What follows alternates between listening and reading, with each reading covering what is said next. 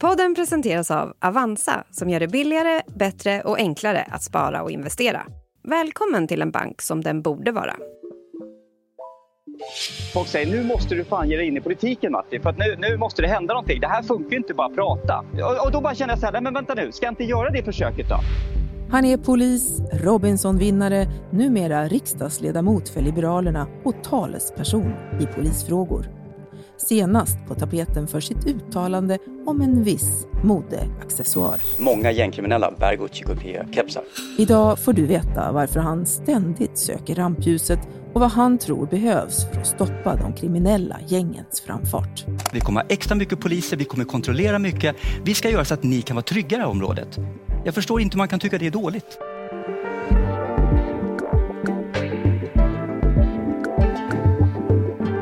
Det här är Dagens Story från Svenska Dagbladet. Idag med mig, Erika Treijs. Och idag möter jag Martin Melin. Och jag tänkte att eh, jag ska börja i en konstig ände på ett sätt. För jag tänkte att du skulle få beskriva vad du har på dig idag. Mm. Idag har jag på mig mina svarta skor som jag alltid har. Jag har lyckats hitta par som är väldigt bekväma. Sen har jag ett par mörkblåa jeans. Till det har jag en skjorta, alltså extremt små rutor, brunt och vitt och till det en brun kavaj. Ja, jag, ser, jag ser ju det, du ser väldigt tjusig ut. Men den där skjortan hade inte riktigt funkat i tv när han hade kunnat börja röra sig va? Jag vet och det roliga är att den här skjortan hade jag på mig mitt första framträdande i riksdagens kammare. Och eh, då var den uppknäppt med en knapp till. Det var några som uppmärksammade det här på ett roligt sätt, att det var extremt uppknäppt skjorta i kammaren. Men eh, din klädstil då som du har idag, eh, vilka signaler sände den ut? Jag försöker anpassa min klädsel lite så här tjänstemannamässigt, eh, lite uppklädd, men en dag vill jag vara ännu inte slips, vit skjorta-klädd. Liksom. Nej. Tidigare i morse så var jag på en konferens om brottsförebyggande arbete nere i Botkyrka. Så jag försöker anpassa min klädsel lite grann efter vad jag ska göra. Mm. Men Martin Melin, vi är ju trots allt många som har en relation till dig. Vi har sett dig på TV, Robinson-vinnare, den allra första till och med. Polis, programledare och numera då också riksdagsledamot för Liberalerna. Du är helt enkelt inte rädd för att sticka ut hakan. Hur kommer det sig? Ja, jag tror att det har med personlighet att göra. Jag är en tävlingsmänniska. Jag är en person som gillar utmaningar. Jag är orädd av, mig, av naturen. Och Jag tror att man måste vara det om man ska ge sig in i ja, polis, kändisskap eh, och sen nu politiken. Då. Man, man får inte vara rädd för att tycka till och man får inte vara rädd för att få en smäll. Och det är inte du? Nej, jag är inte det. Det ska väldigt mycket till för att jag ska rackla till. Jag förstår. Men du, senast här då så handlade det om en Gucci-keps. Alla som bär Gucci-kupé-kepsar är inte gängkriminella, men många gängkriminella bär Gucci-kupé eh, kepsar. Där du säger att en viss klädstil kommer med att vara med i de här gängen som då en fake Gucci-keps. Och det här skedde på en presskonferens som handlade om visitationszoner. Jag tänker att vi ska prata mer om just det. Men vi såg dig på det här podiet tillsammans med justitieminister Gunnar Strömmer och det var också Richard Jomshoff och Torsten Elofsson va, från KD. Det är ändå riktiga politiska djur i någon mening. Hur, hur var stämningen där i rummet? Vi har ju haft pressträffar ihop tidigare, vi fyra. Vi är ju faktiskt hyfsat överens om det vi ska prata om och det vi ska leverera och det vi ska presentera. Så att det var ganska bra stämning vill jag säga där.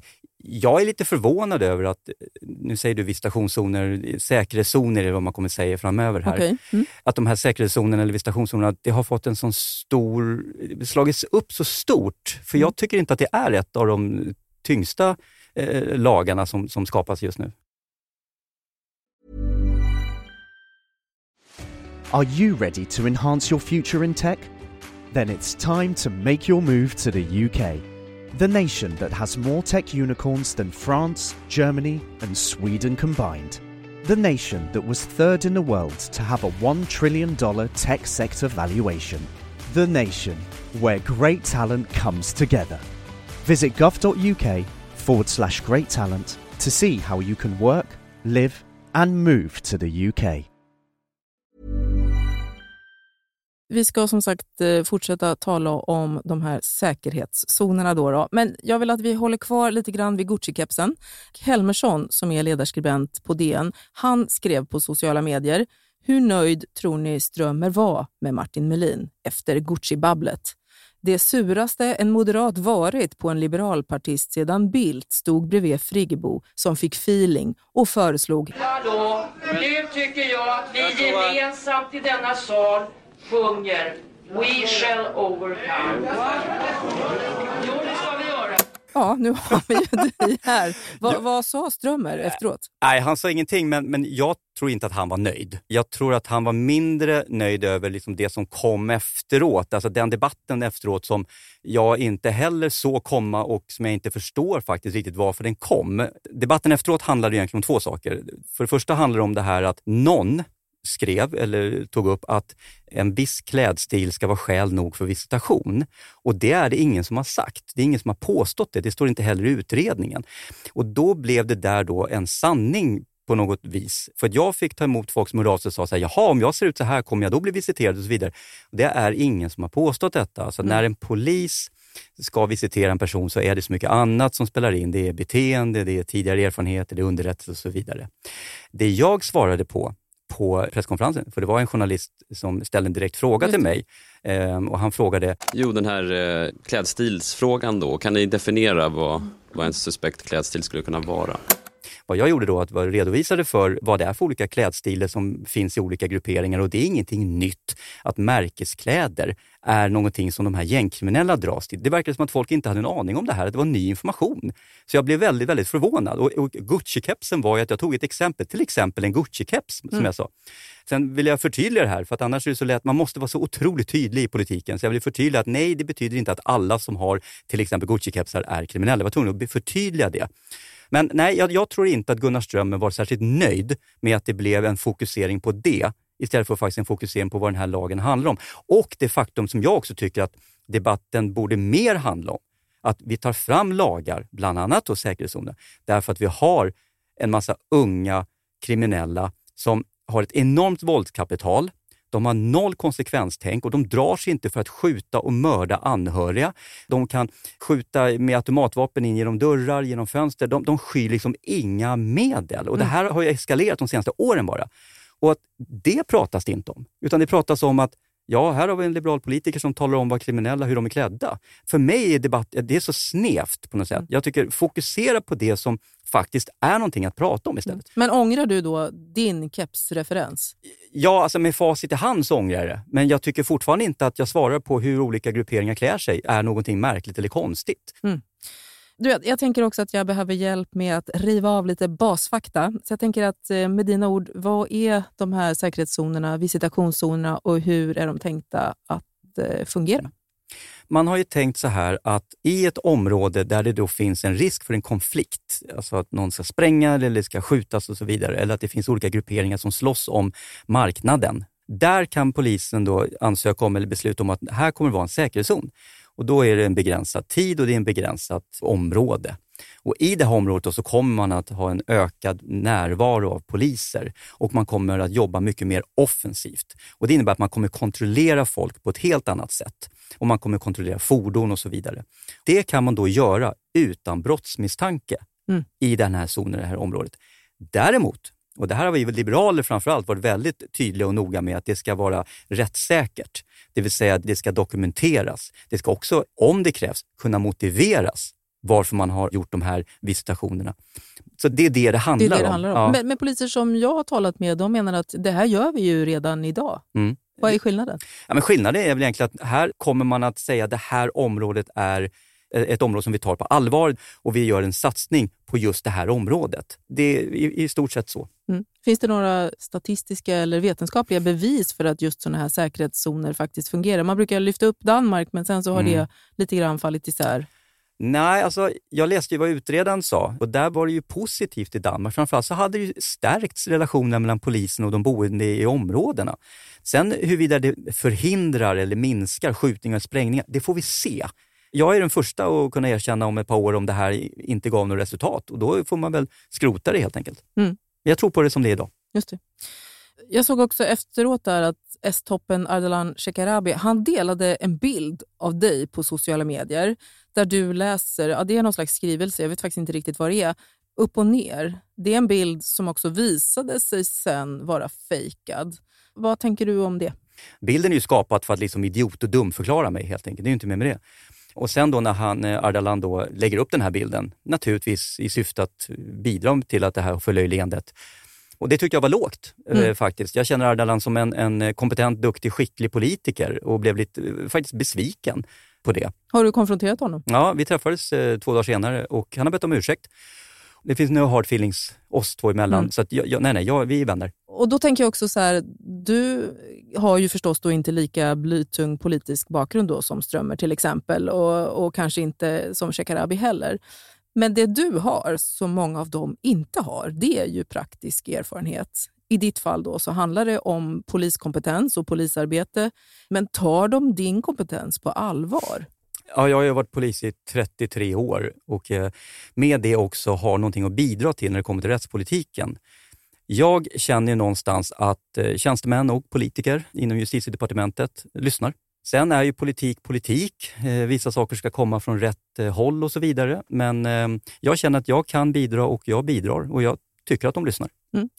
Och nu så är du då talesperson i polisfrågor, liberal sån. Hur har den titeln och rollen mottagits eh, inom poliskåren? Jag har bara fått positiva reaktioner från poliskåren. De tycker det är bra att jag står upp för polisen, att jag för också deras talan. Jag för ju liksom inte polisledningens talan. Det är ju som kanske med alla myndigheter att det finns en, det skiljer sig lite om hur saker och ting ska fungera från ledningsnivå ner till på, på golvet, så att säga, på gatan. Men jag är ju en polis från gatan och jag, jag håller deras rygg så att säga. Och jag, mm. Så jag har bara fått eh, positiva eh, reaktioner.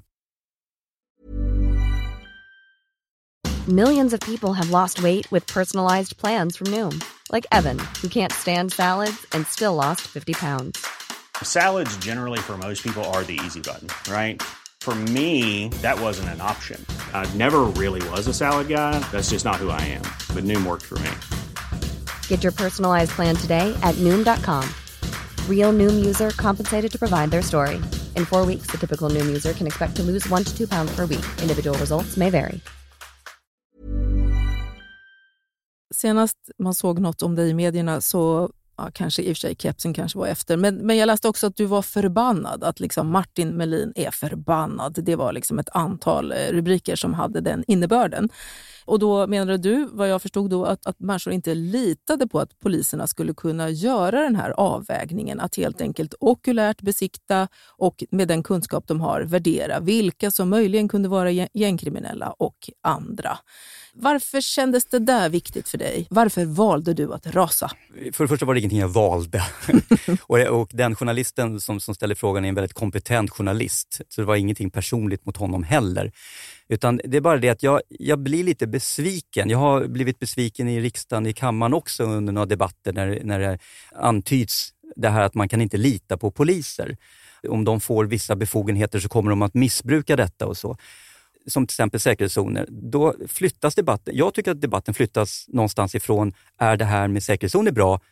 Till att kan vi lita på svensk polis? Mm. Och då tycker jag då kan vi väl lika bra ta en debatt om kan vi lita på svensk polis? Och då menar de som säger nej, då vill jag gärna veta så här, visa mig på vilket sätt vi inte kan lita på svensk polis. Och då blir jag förbannad, för det, jag står upp för mina kollegor. För polisen där ute, man ska klara för sig, de här poliserna som jobbar idag, dygnet runt, året runt, helger, nätter, de riskerar livet och de gör det för oss.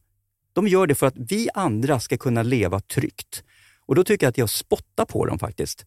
Att säga att er litar vi inte på. Mm. Utan några som helst grunder egentligen. Och det gör mig förbannad. Och mm. ändå, jag kom att tänka på en sak nu faktiskt. Det här, du sa det här att, att man inte kan lita på att poliser kan skilja på kriminella och inte och peka ut. För jättelänge sedan, 1992, så jobbade jag som spanare i Kungsträdgården. Ny polis var jag dessutom. Det var första maj. Och på den här tiden så fanns det en grupp eller en organisation, nej, grupp snarare, människor som var extremt högerextrema. Det hette VAM, V-A-M, Vit arisk makt. De var klädda i svarta bomberjackor och så hade de någon svart eh, typkeps liknande eh, sak. Och så jeans och några eh, kängor. Jag får syn på fyra sådana här personer från kanske 200 meters avstånd.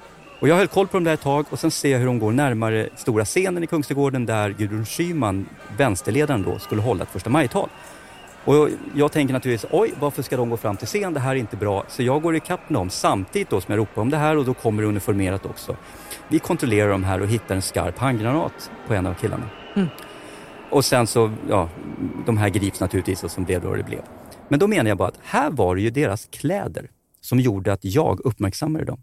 Mm. Och det här är då finns folk som är kritiska mot. De menar på att nej, de där skulle jag ha låtit vara. Jag skulle inte kontrollera dem. Varför det? Bara för att de har de där kläderna. Mm. Förstår du? Mm. Och det här man, jag försöker förklara, men någonstans ibland så går inte det här in hos vissa, för då väljer de att plocka ut då, ja, men som pressträffen, då plockar man ut 20, 20 sekunder när jag pratar om Gucci-kepsar. Mm.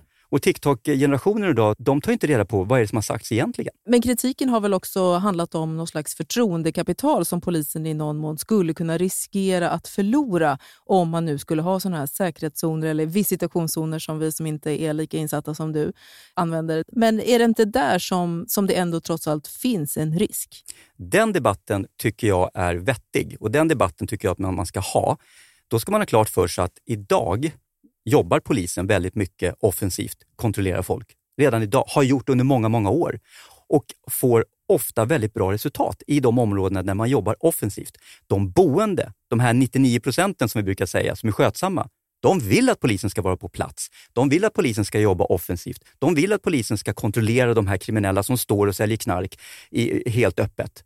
Mm. Alltså, någonstans så glöms det bort att de här boende vill ha poliser på plats. Och jag pratade med en boende i Rågsved här för ett tag sedan och han sa så här, vet ni vad? Polisen får kolla mig när de vill, hur de vill, bara de är här. Och någonstans så känns det som att vi pratar för lite om varför de här säkerhetszonerna ska komma till. Jo, men det är för att ge skydd. Och återigen, justitieministern tycker jag uttryckte det väldigt bra. Han sa att de här zonerna är till för att, inte för att vi ska hitta massa vapen på folk, utan för att vi ska förhindra att det skjuts och sprängs. Just det. Men om jag säger så här då, att för att man ska vara ett objekt eller ett offer, eller hur vi nu ser det, för att man ska visiteras, så, så tänker jag att då, det, det kanske är då en viss klädstil, det skulle kunna vara det. Men det finns ju också en koppling möjligen då till att det ska vara en invandrarunge från orten. Och där någonstans finns det en risk för att man, att man drar folk över en kam eller att man särskiljer en grupp. Va, vad tänker du om det? Jag tror att det där är vad folk som inte kommer i kontakt med de här människorna i de här områdena tänker och tycker. Poliserna som jobbar i de här områdena, de är fullt medvetna om att 99 procent här är skötsamma. De vet vilka det är som är, eh, håller på att sälja knark och, och brukar våld. De vet det. Återigen det här, poliser är ganska goda människokännare och, och inte alls ute efter att trakassera eller har fördomar och tror att alla invandrare är kriminella. Det där är någonting som man hör ibland. Jag, jag tänker så här, det där hör inte jag i polisbilarna. Det där hör inte jag runt fikabordet på polisstationen. Var kommer det där ifrån? Är det mina fördomar tänker du? Ja, ja, kanske inte just dina fördomar, för jag tror att du har rätt hyfsad koll ändå, men det finns andra människor som jag inte tror har lika bra koll. Just det. Och eh, gängkriminaliteten då, eh, det är ju en av vår tids stora ödesfrågor. Och du har ju inte minst här då berättat om din erfarenhet av, av polisarbetet. Och så sitter du nu också här i vår studio som företrädare för makten, politiken i någon mån.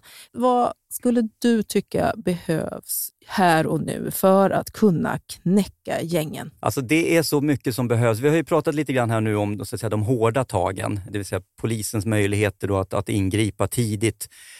Men vi behöver också ha det här det mjuka. Vi måste också ge en möjlighet för kommuner som numera har det brottsförebyggande ansvaret att kunna plocka upp de här ungdomarna, eller framförallt plocka upp barnen, innan de dras in i kriminalitet. Förebyggande arbete pratar vi om Det här. förebyggande arbetet är jätteviktigt och jag har varit i kommuner där då skola, socialtjänst och polis samverkar med väldigt gott resultat. Och det är någonting som jag tror att vi måste satsa mer på, att hitta arbetssätt i kommunerna att kunna fånga upp Alltså stoppa nyrekryteringen, det är det det handlar om. Och eh, nu är jag liberal så jag pratar gärna om skolan. Mm. Eh, skolan är väldigt viktig och faktum är att när man pratar med folk som jobbar med brottsförebyggande arbete så säger de nästan allihopa gemensamt att skolan är i princip avgörande. Det är väldigt få som går ut skolan med liksom godkända betyg som dras in i kriminalitet. Mm. Förebyggande arbete och skola. Men det var inget snack här nu om visitationszoner eller hårdare tag som brukar komma från högerhåll. Nej, men det var, jag, jag sa det, nu har vi, vi har ju pratat om det redan, så det är med, men det är liksom en del av paketet. Det, man kan säga två paket. Det, det, ja, Johan Persson brukar prata om det, stålhandske och Lovikkavanten. Ja, just det. Ja, så det behövs Mm. både hårda tag där man jobbar direkt mot det som händer nu. Mm. För att det är inte jättelätt att omvända de här 17, 18, 19-åringarna som är långt in i kriminalitet och i missbruk. Däremot så är det ju lättare att kanske hindra 3-4-åringar att de dras in i kriminalitet. Mm. Tack Martin Melin för att du kom hit. Tack. Producent idag var Daniel Sävström, redaktör Elin Romeliotto. Och vill du kontakta oss så gör det gärna på dagensstory.svd.se.